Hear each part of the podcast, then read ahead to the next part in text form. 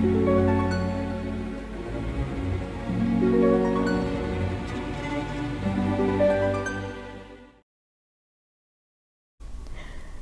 saya dengan Madam Aza. Saya akan membacakan tarot untuk minggu pertama bulan Juni 2020. Yang akan dibacakan sekarang adalah Virgo. Virgo yang perfeksionis. Bener nggak sih? Virgo perfeksionis? Apa cuman untuk hal-hal yang sangat penting buat dia aja? Kartu pertama yang akan kita bukakan adalah untuk finansial, bisnis, ataupun peruntungan pekerjaan yang diberikan adalah kartu The Fool. Kartu The Fool ini menunjukkan orang yang loncat dari jurang untuk mendapatkan bintang. Artinya mengambil risiko yang tinggi, meninggalkan zona nyaman untuk mendapatkan sesuatu yang menurut dia layak dipertaruhkan. Kartu ini tidak berarti positif ataupun negatif, hanya dibilang bahwa if you want to jump, make sure you know the reason gitu. Dan tahu juga risikonya apa. Kan kalau loncat dari jurang ya di bawahnya ada jurang. Kalau secara perhitungan matematis dan secara insting juga sudah bagus ya 100%, mau loncat ya loncat aja. Biasanya saat kartu ini keluar ini terjadi perpindahan pekerjaan ataupun perpindahan lokasi ataupun memulai usaha baru, hal-hal yang kemarin-kemarin belum dilakukan. Hal-hal yang beresiko.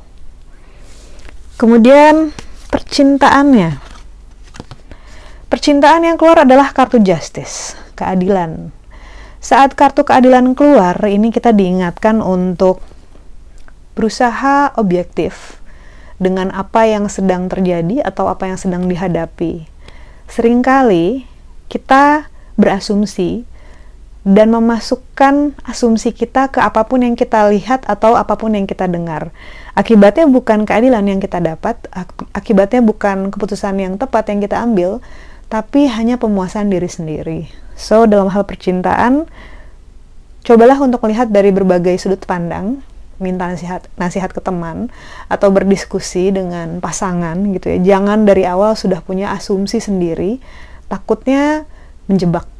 Asumsi itu suka menjebak kita sendiri karena sudut pandang kita yang terbatas, terlalu subjektif.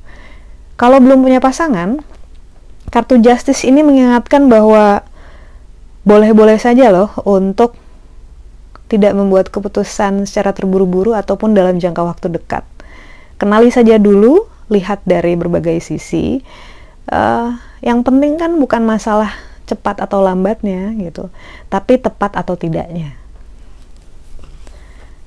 Kartu yang ketiga membacakan tentang nasihat. Wah, kartu universe ini lagi sering banget keluar Kartu Universe bicara tentang proses yang terjadi yang tidak bisa diburu-buru. Baca buku nggak bisa dari bab 1, bab 2 langsung ke bab terakhir. Nggak nyambung nanti. It doesn't make sense. So, kartu di universe bilang bahwa apa yang terjadi memang sudah seharusnya begitu yang terjadi. Hargailah proses dan jalani dengan sebaik-baiknya. Istilahnya, kita berupaya, kita berdoa, kita berupaya lagi, kita berdoa lagi. Kita nggak bisa memerintah Tuhan ataupun semesta agar sesuai dengan kehendak kita. Yang bisa kita taruh, ya upaya kita. Yang bisa kita tekan, ya diri kita sendiri.